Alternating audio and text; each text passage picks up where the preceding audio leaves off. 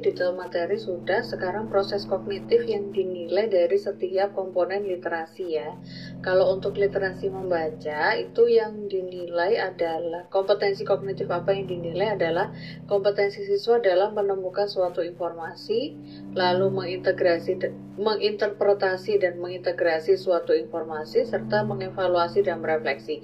Intinya adalah dari literasi membaca, baik itu membaca teks informasi maupun membaca sastra, itu yang dinilai adalah proses kognitif siswa dalam mengidentifikasi atau menganalisis suatu informasi, kemudian mengevaluasi sampai dengan mensintesis dan menggeneralisasi gitu ya.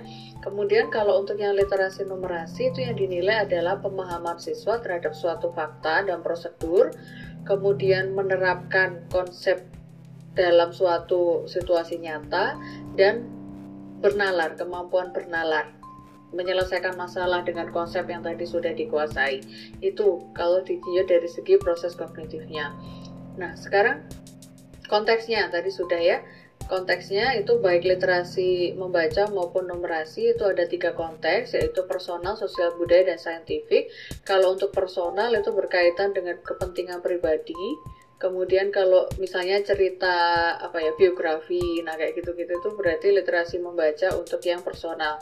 Kemudian kalau sosial budaya itu misalnya membaca brosur iklan apa membaca iklan misalnya uh, atau brosur kursus. Nah, kayak gitu-gitu sosial budaya yang ada hubungannya dengan kepentingan antar individu dan isu-isu yang ada di masyarakat.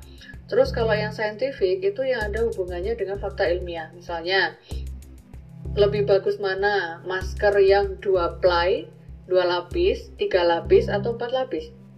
Nah itu yang scientific semacam itu. Kemudian berapa persentasenya dalam soal literasi membaca untuk setiap konteks itu?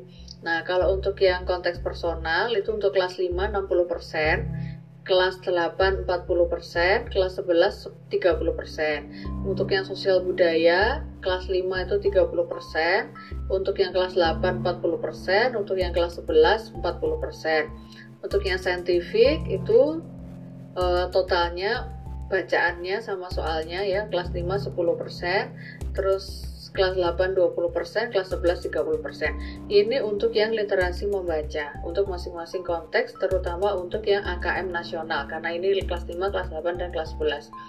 Lalu setelah mereka mengikuti AKM khususnya untuk pengukuran literasi membaca, terus laporannya itu untuk apa?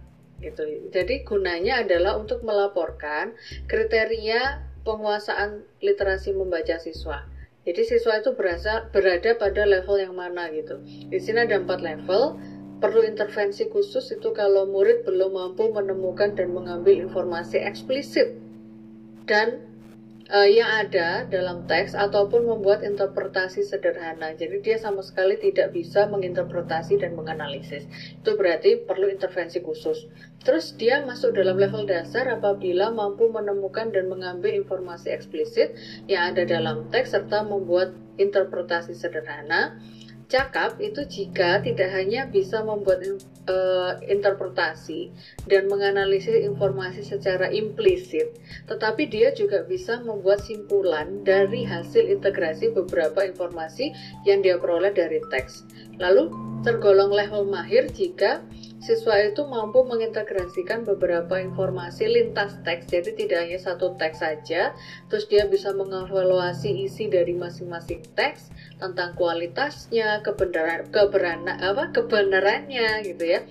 Terus cara penulisannya dan seterusnya, kemudian dia bisa menentukan sikap terhadap teks mau percaya apa enggak. Itu itu sudah tergolong mahir kalau sudah sampai situ. Nah, terus berapakah distribusi soal literasi membaca antara teks yang informasi dengan teks yang sastra. Karena tadi literasi membaca kan ada dua teksnya.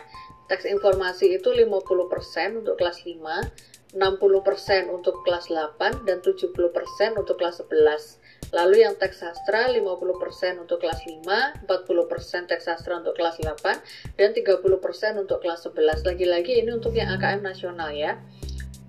Uh,